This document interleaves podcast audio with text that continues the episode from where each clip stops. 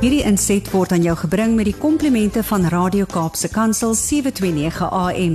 Besoek ons gerus by www.cape pulpit.co.za. Goeiemôre luisteraars. My naam is Gerda Kriel, kliniese sielkundige van Somerset Wes.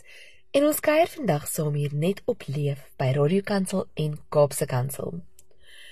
Nou vir die van julle wat elke maandag ingeskakel is, sal weet dat ons besig is met 'n reeks oor hoe om die Kerstyd meer sinvol te benader. Nou vandag wat 'n fantastiese dag is, is 'n paar slaapies voor Kersfees, praat ons hoe oor om Kersdag minder stresvol maar meer betekenisvol te maak. Dis vir ons as gelowiges baie vreemd om te dink daaraan dat Kersfees hoegenaamd stresvol behoort te wees, nê. Nee, ek bedoel ons dink aan dit wat ons vier, die geboorte van die Messias, en ons dink aan die betekenis daarvan. Familie, vriende, geliefdes, en sekerlik behoort dit alles 'n goeie ding te wees. Maar navorsing wys vir ons dat Kersfees een van die mees stresvolle dae vir meeste mense is. En hoekom is dit so? Daar is natuurlik verskeie faktore wat hierby 'n rol speel, maar die nommer 1 faktor is jou verwagtinge. Dit is sodat dikwels kyk ons na flieks en ons sien hierdie pragtige Kersfeestafels en hierdie Kersfeesbome en almal wat in harmonie bymekaar sit en ons skep ons verwagtinge natuurlik volgens daardie beeld. Maar die realiteit lyk vir ons almal anders. Sien Kersfees is 'n tyd wanneer ons moet reflekteer oor dit wat die Here vir ons gedoen het. Maar ons gaan maak dit so maklik oor soveel dinge wat eintlik glad nie saak maak nie. Ons gaan maak dit oor die klere wat jy aan het of die kos wat jy eet of die geskenke wat jy oopdraai. Materiële dinge wat regtig nie in jou vreugde inbou nie. Sit dit nou natuurlik in die maalpot saam met familie wat jy lanklaas gesien het en met wie jy nog 'n appeltjie te skil het oor verlede jaar en jy sit met 'n resep wat jou regtig onvergenoegd en ontevrede kan laat. En dis die best case scenario. Op die ergste kan Kersfees eintlik lei tot uitbarstings, tot konflik en baie stresvolle situasies. Nou ons het al bietjie gesels oor die stresvolle kant en die konflikvolle kant van Kersfees en hoe om dit beter te bestuur. Maar ek wil ook vandag regtig vir julle bemagtig met 'n paar ek wil eintlik sê tools oor hoe om Kersdag regtig te verdiep en hoe om dit meer betekenis vir jou en jou geliefdes te maak.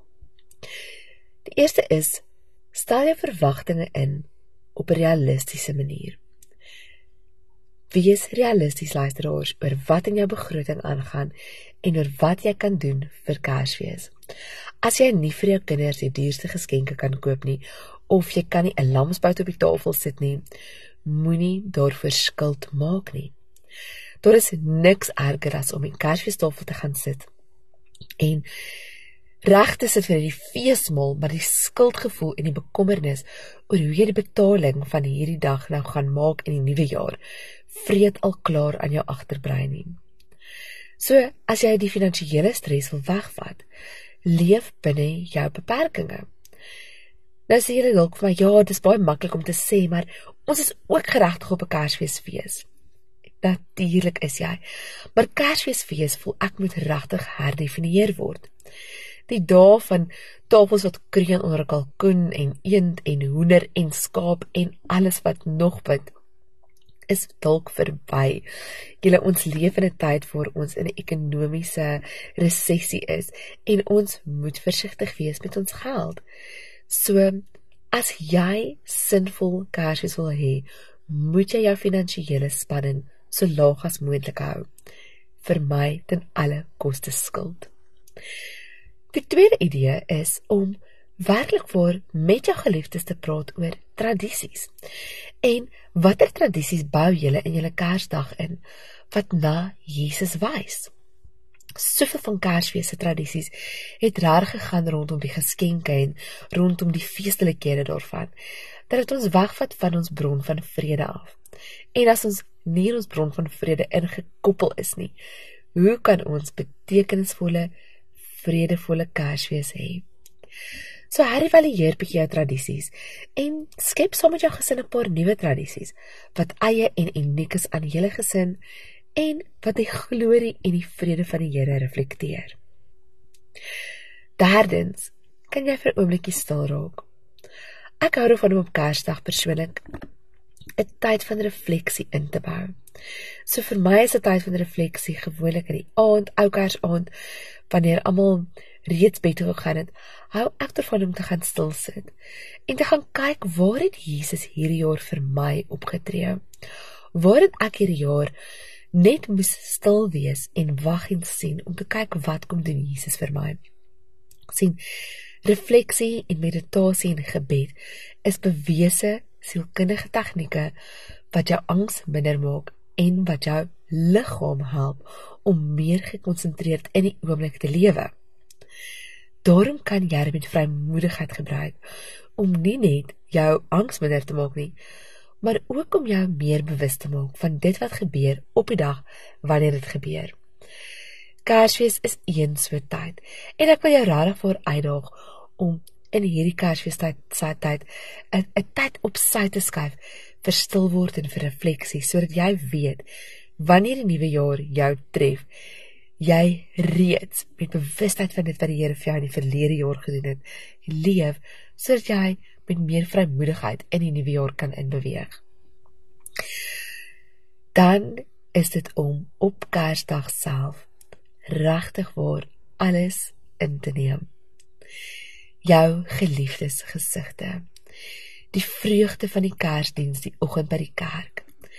Net die gesprekke wat julle rondom die tafel het. Neem dit in en fokus op dit wat is en beweeg weg van hoe jy dink dit eerder behoort te wees.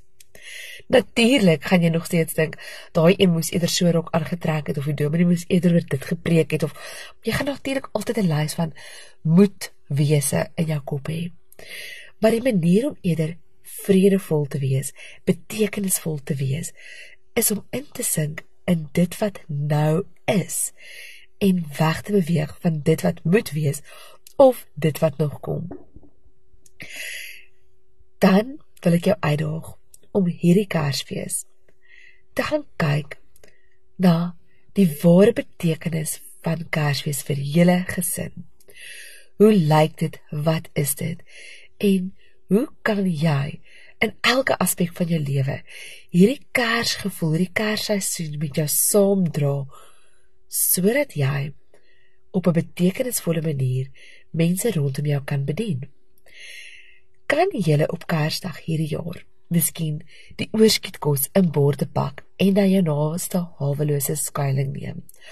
of vir die man op straat gee wat hierdie Kersfees sonder enige heenkome sit.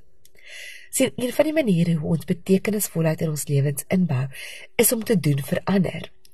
En daardie altruïstiese streek, daardie doen vir ander of daardie gee ietsie wat jy het vir ander mense, is ongelooflik belangrik om jou te help om te beweeg van 'n leë sinlose Kersfees na 'n betekenisvolle intentionele feesseisoen waar jy nie net die Here nastreef nie maar ook die Here uitleef.